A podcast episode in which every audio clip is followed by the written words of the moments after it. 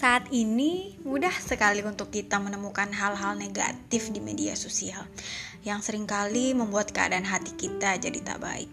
Kadang untuk menjaga hati, kita bahkan harus memilih untuk lock out dari media sosial.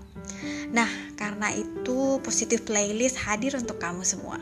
Membagikan hal-hal positif tentang kehidupan sehari-hari yang bisa menghibur, menguatkan, dan bisa menjadi teman kamu saat hari-hari terasa berat.